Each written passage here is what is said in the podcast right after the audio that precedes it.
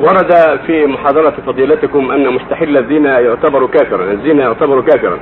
قد يفهم بعض الحاضرين أن مرتكب الزنا كافر فيذهب من هنا يكفر العاميين، إذا يرى يرى من فضيلتكم التوضيح.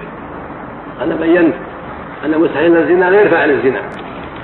فالاستحلال معناه أن يقول الزنا مباح حلال من شاء فعله ولا ولا وليس بحرام ما حرمه الله أو يقول ولو حرمه الله حلال ولو حرمه الله لا, لا يبالي بتحريم الله هذا هو الكافر. أما الذي يفعله يزني ولكنه يعلم أنه عاصي وأنه حرام ولكن زنى غلبه الهوى والنفس الأمارة بالسوء والشيطان حتى وقع في الزنا هذا إن تاب تاب الله عليه. وإن مات على الزنا يتب فهذا تحت مشيئة الله. إن شاء ربنا غفر له وإن شاء عذبه على قدر معصيته في النار ثم بعد ما يعذب لا يخلد. بل يخرجه الله من النار إلى الجنة بتوحيده وإسلامه.